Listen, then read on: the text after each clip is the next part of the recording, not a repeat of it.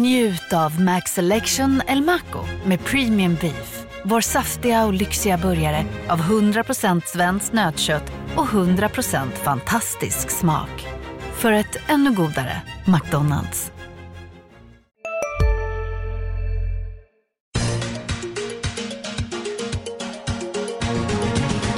Hej och välkommen till Makrorådet, Dagens Industris podd om de stora ekonomiska frågorna. Jag heter Viktor Munkhammar. Med mig idag har jag Anna Öster, chefsekonom på Länsförsäkringar och Olof Manner, analyschef på Swedbank. Tjenare, Välkomna tjenare. hit. Tack, tack. Välkomna hit. Jag kan rapportera att det är en uppsluppen stämning i studion. Vi såg lite skuggboxning här innan exempelvis. Det kan ha att göra med att det är det sista programmet för eh, höstsäsongen. Det är julkänsla. Julkänsla här, precis. Eh, Det har inte varit riktigt julkänsla kanske under hösten om vi bara jättekort ska prata om det i och med att det är sista programmet. Anna, vad- den här hösten har varit väldigt dramatisk. I tre ord, hur skulle du vilja sammanfatta den? Oj, tre ord. Jag är Ja, ta aldrig bra då. på de där liksom Ja, korta. Nej, men det har ju varit eh, Ja, det har hänt väldigt mycket. Men samtidigt så tycker jag att det är intressant att det är alltid sådär att när man är i det och det känns som att det händer så mycket och man liksom vet varken ut eller in höll jag på att säga. Så i grund och botten tycker jag att min vy är hyfsat likadan som den var i somras ändå. När man liksom tittar till grunden. Vad står vi på? Vad, har vi någon stabil grund att stå på? Jag tycker att det är så himla annorlunda är det inte. Men det har hänt mycket på vägen. Ja, Okej, tack för det. Vi går vidare på det vi ska prata om eh, idag och det blir mycket centralbanker. Det blir eh, spännande spaningar och så ska vi försöka luska ut ifall prisutvecklingen på amerikanska så kallade skräpobligationer är en kanariefågel i gruvan. Men vi börjar med Riksbanken som ju igår meddelade att eh, den samlade penningpolitiken lämnas oförändrad.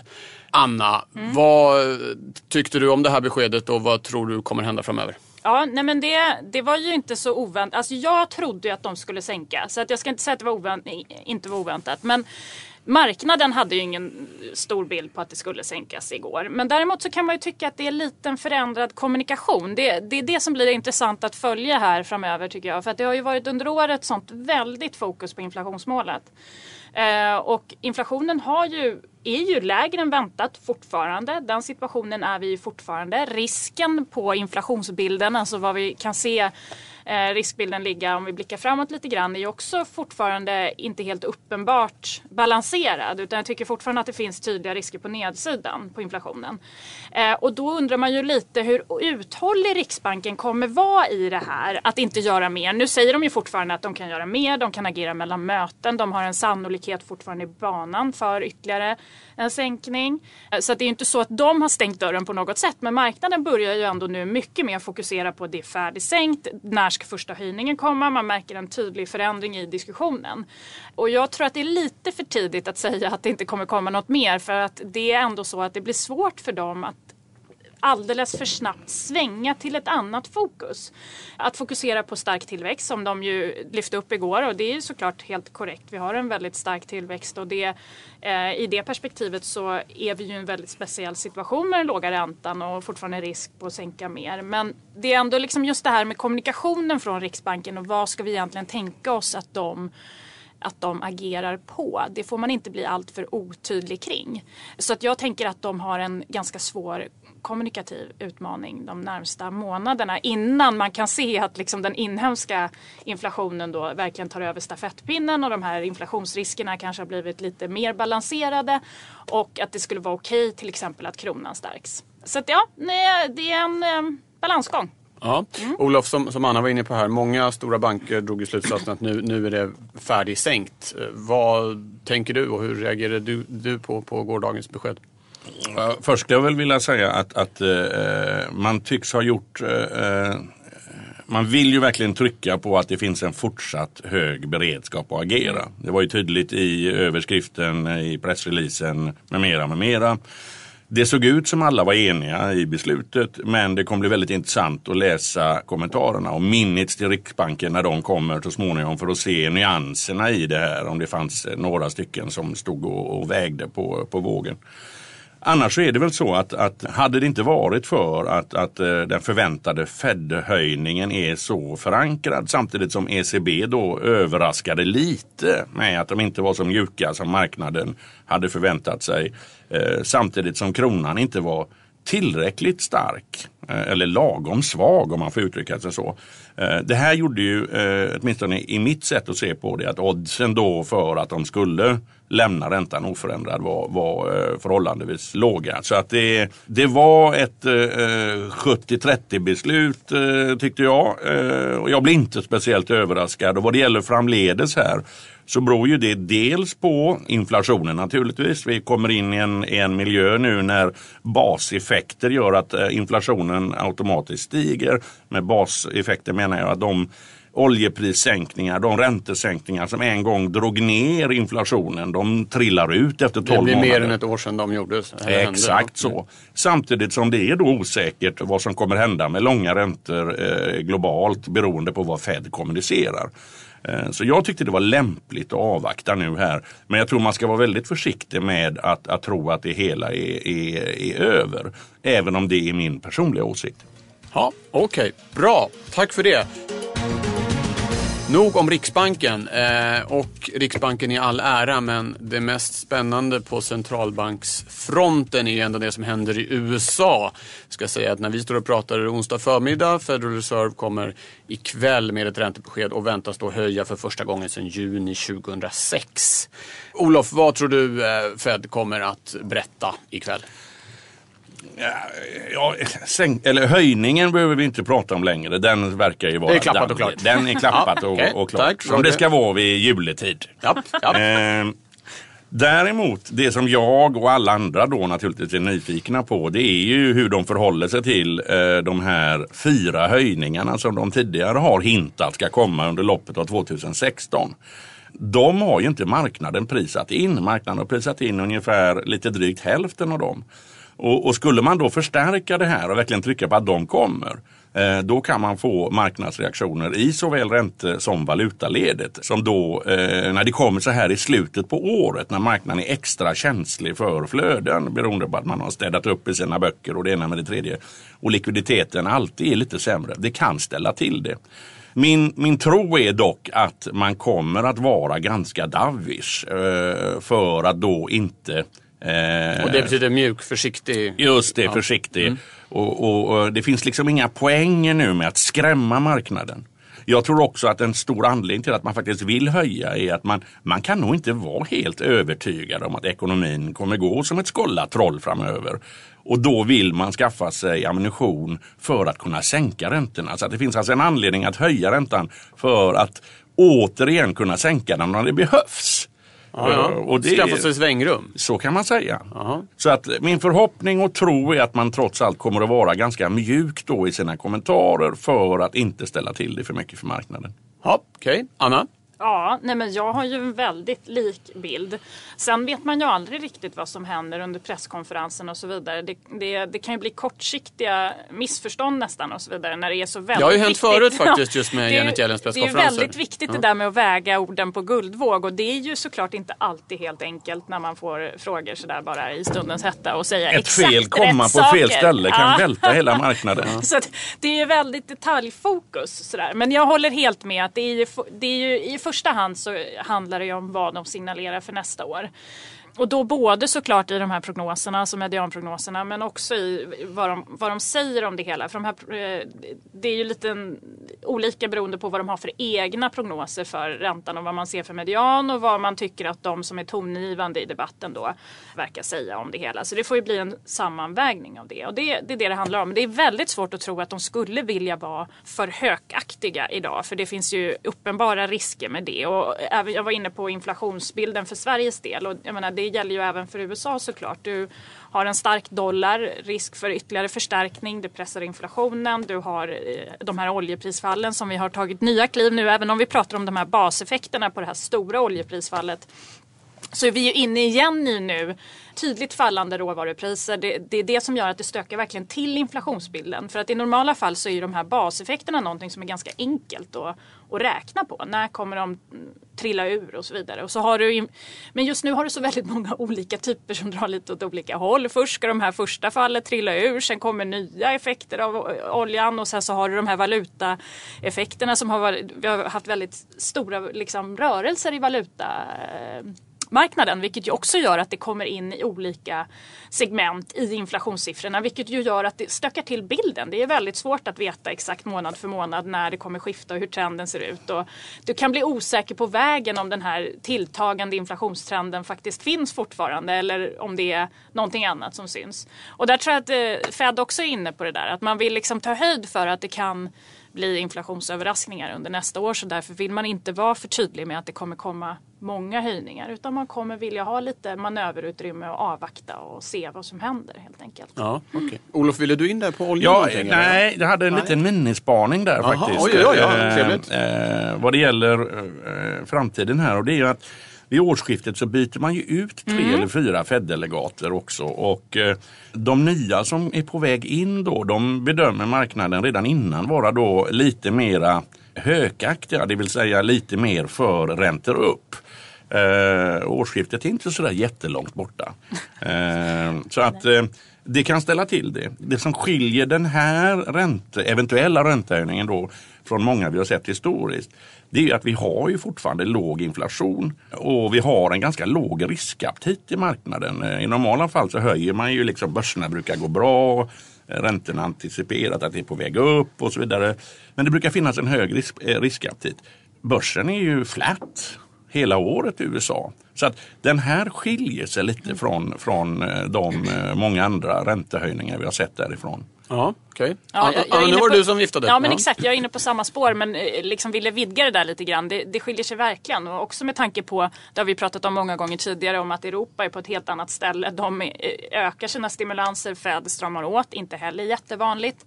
Och sen har vi ju det här att ISM faktiskt hamnade under 50-strecket Inköpschefsindex alltså för Exakt, industrin. för industrin. Ja. Och där, tänk, inklusive jag, tänker att det är tillfälliga effekter. Men man ska ändå inte glömma bort det, att den här bilden vi har över den amerikanska ekonomin om att den är stark och det ska till en räntehöjning är komplicerad. Det är den ju i, i, för det mesta. Alltså jag menar, det är sällan så att allting pekar åt samma håll. Men det, det, är ännu lite mer spretigt tycker jag än vad det brukar vara i den här delen av konjunkturen. Samtidigt som man också ska komma ihåg att vi brukar inte ha den här tillväxten eller arbetslösheten och ha en ränta som är på 0,25 eller under i intervallet. Så det, det, är väldigt många saker som liksom gör att den här bilden, det är inte samma sak nu. Nej, och lönerna är inte heller Nej. trycker på ännu. Så att, eh. Visst är det så att eh, ISM, alltså inköpschefsindex i industrin som jag tror har funnits sedan 1937, att Fed aldrig har höjt när det har legat under det här 50-strecket. Stämmer det?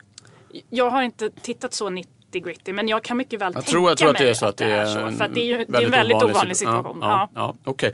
ja, eh, men då är vi eniga om att det blir en höjning men vad som kommer därefter och hur Fed väljer att kommunicera och var de lägger tyngdpunkten det är, är, är oklart och, och spännande. Bra, mm. det gillar vi.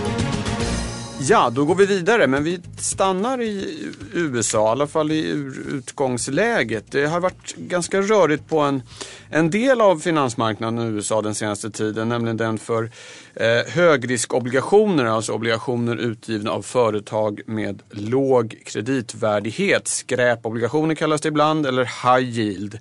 Priserna på dem har sjunkit, det vill säga räntorna på dem har stigit ordentligt.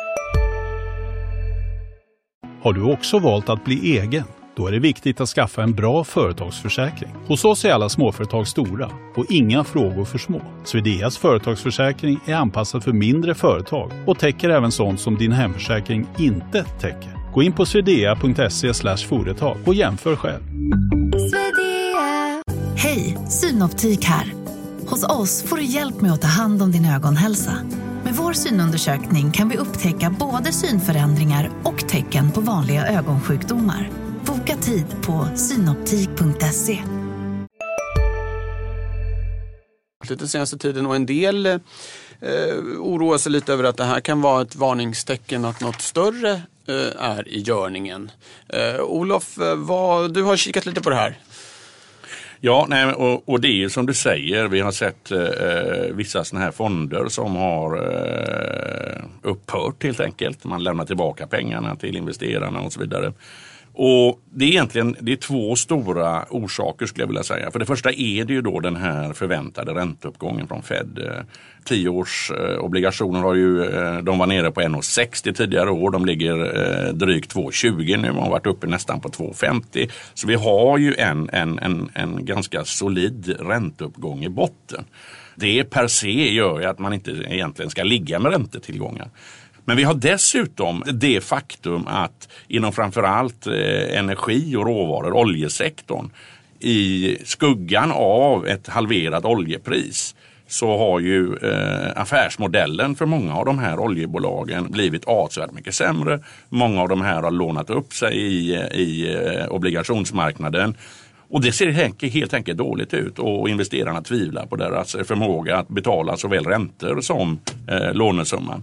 Eh, och det har gjort att uttagen har varit stora. Som jag varit inne på förut, likviditeten i marknaden blir alltid sämre i slutet på året. Och när då insättarna i sådana här high yield obligationsfonder tar ut sina pengar så måste ju naturligtvis fonderna sälja av papper på marknaden. Går inte det då eller att priserna är dåliga eh, för att likviditeten är dålig, ja då blir det dålig business och man förlorar pengar. Så att det här är, är, så att säga en, en, det, det, det är en, en, en, marknad som tar höjd för eh, dels ett oljepris som kanske ligger kvar här men också för högre räntor eh, i hela ekonomin. Då.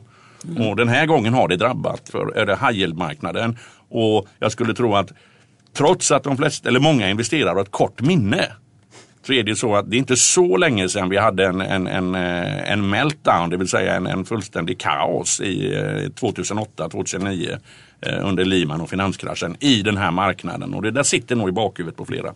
Ja, okej. Okay. Men det låter då väl som att du inte ser det som att det här är någon slags hjärtecken, att något större är i görningen och att det har börjat på den här marknaden. Utan att det, det tror finns jag liksom inte. rimliga förklaringar till att just sådana här obligationer har gått så dåligt. Ja, det tror ja, jag. Ja. Risken är naturligtvis att det skulle sprida sig från en sektor till en annan. Men, och även om det finns små tecken på det så är de inte tillräckligt klara för att man ska liksom eh, måla fan på väggen. Nej.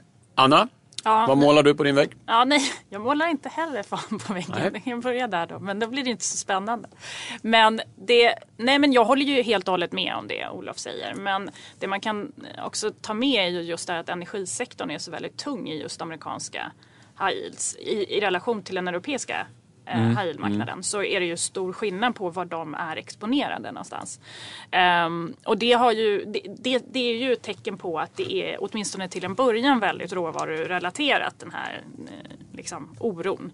Och sen så är det ju en mängd olika saker som läggs på det där då. Alltså, likviditeten, det är en nervös och tunn marknad som gör att det får liksom, förändringar i sentiment, får stora effekter på prisbilden och att det händer mycket.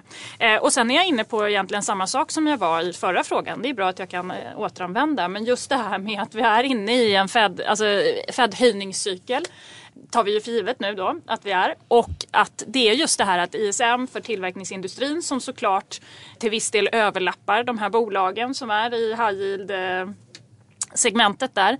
Eh, och just energisektorn till exempel, att det är den typen av bolag som faktiskt signalerar att de har problem. Både drivet såklart av oljepriset, råvarupriser generellt och stark dollar med utrikeshandel och så vidare. Och att de signalerar ju att de har en tuff marknad. Och i den situationen så ska Fed börja höja. Så det är klart att det är vissa delar av den amerikanska ekonomin som absolut inte mår riktigt lika bra. Men sen så är det tjänstesidan som är de som anställer och står för absolut lejonparten av alla jobb. Det gör ju att totalbilden av den amerikanska ekonomin är tillräckligt stark för att höja. Men det är klart att det är vissa, vissa bitar som kläms. Ja. Liksom. Okej. Okay. Mm. Så att uh, vi kan ta det ganska lugnt. Ja, Fast det, alltså, man ska ju aldrig, man ska ju, precis som du säger, det här med spridningseffekter. Går det tillräckligt risigt för den biten så kan ju det sprida sig till ja, andra jag, delar. Jag skulle ändå vilja avsluta med att säga där eh, att, att eh, som ett litet lugnande besked att defaultgraderna, det vill säga eh, när en obligationsutställare eller en emittent inte följer sina räntebetalningar och så vidare. De är fortfarande väldigt låga. Eh, de senaste 30 åren så är snittet någonstans runt 4-5 procent. De ligger nu på 2,5-3 procent. Så att defaultgraderna ligger under sitt historiska medelvärde vilket då ändå är eh, en, en, eh, något lugnande. Däremot kan de ju öka då, och det är ju framförallt inom oljesektorn som vi har varit inne på. Ja. Okej, fint. Tack för det. Då går vi över till spaningen där ni har eh, klurat på saker som kan tänkas dyka upp runt hörnet här. Eh, Olof, vill du eh, starta idag? Det handlar om infrastruktur tror jag, fast kanske inte i form av broar och vägar och flygplatser. Nej, utan infrastrukturen på obligationsmarknaden då som ligger mig varmt om hjärtat Ja. efter mina eh, många år i den. Jag ser ju här hur, eh, eh, först skulle jag vilja säga att infrastrukturen i marknaden det är ju då alla som eh, de banker och fondkommissionärer och andra som sitter och genomför de här affärerna. Man är då återförsäljare bland annat för Riksgälden. Riksgälden emitterar sina statsobligationer genom återförsäljarna. Eh, Vi har inte haft några nya återförsäljare i Sverige egentligen sedan 1997. Antalet har varit samma sju stycken. Eh, vi ser en trend internationellt att fler och fler stora internationella banker drar ner på sin räntehandel. Eh, dels beroende på dåliga vinster men också på att volatiliteten har fallit i ljuset av QE-åtgärder och annat sånt här. Vi har regelverken som ställer till det lite. Det är betydligt jobbigare att förhålla sig till eh, finansmarknaden idag. Och trösklarna för att etablera sig på finansmarknaden och eh, på grund av regelverk eh, och annat eh, gör också att det är svårt för mindre eller medelstora aktörer att etablera sig på marknaden. I den här situationen så ser vi då att, att det finns anledning att tro att den svenska statsskulden kommer att öka framledes, kanske med upp mot Eh, 150 miljarder kronor de närmsta tre fyra åren. Beroende då på flyktingsituationer, beroende på att man har övergett överskottsmålet, krona för krona är borta. Och då eh, i en marknad som inte är beredd på det här eller det är en trend där man drar ner på aktiviteterna i räntemarknaden såväl internationellt som i Sverige. Vi får se, vi har två stora internationella banker som är återförsäljare i Sverige.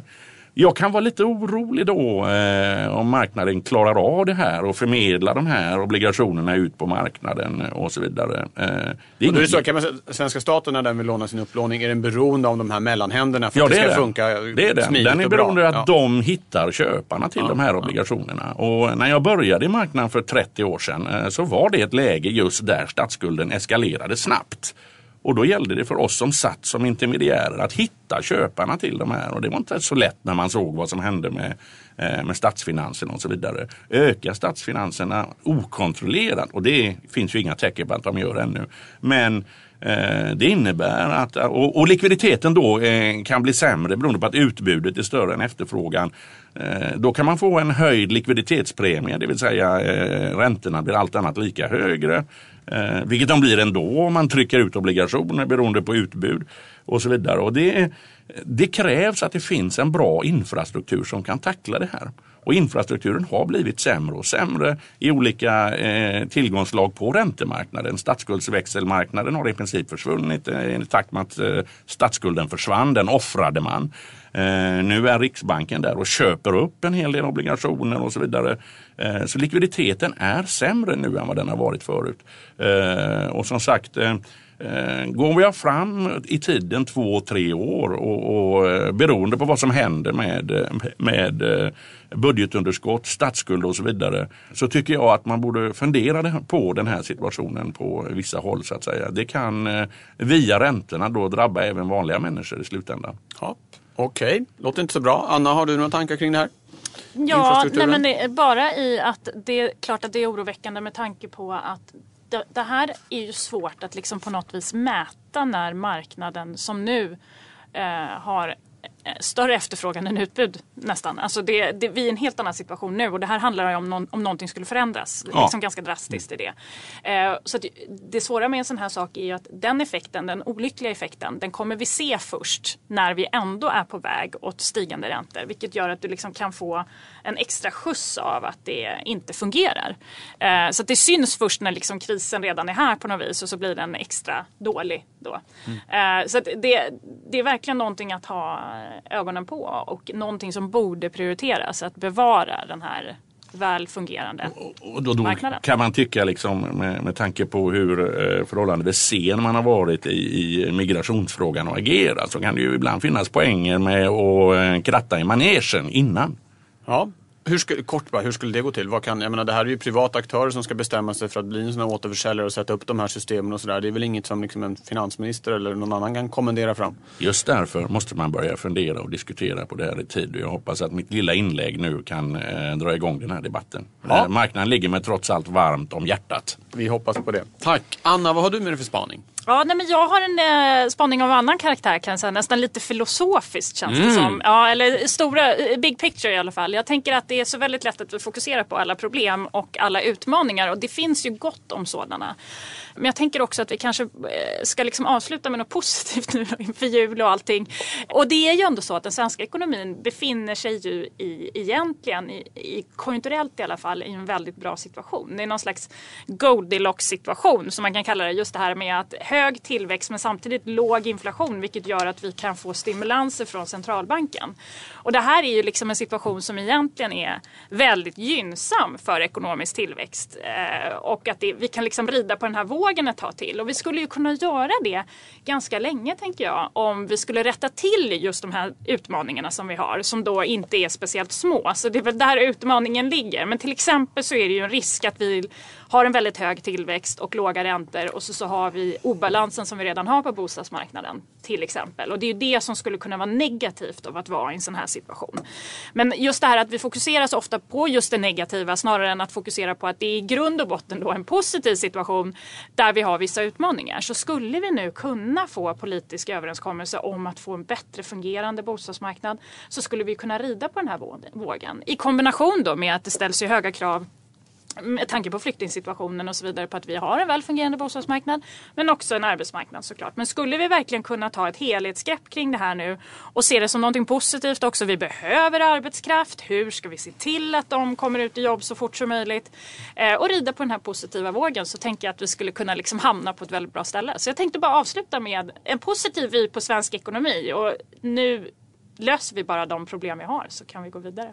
Oj, oj, tack för det. Olof, vill du eh, lägga Nej, till jag, håller, jag håller verkligen med. Det är ju faktiskt så att, att den situationen vi eh, befinner oss i nu, den kan vi ju inte förändra. Det, det enda godtagbara alternativet, det är ju det goda alternativet. Det kräver mod, beslut och eh, Handlingskraft. handlingskraft. Och framförallt politisk handlingskraft. Ja. Vi avslutar där. Glada tongångar. Tack för idag. Och tack, Tack för det här året. Ja. Och stort tack till dig som har lyssnat. Nu tar vi ett litet uppehåll och är tillbaka den 27 januari. Då med Johan Javeus och Anna Breman som gäster. Hej så länge!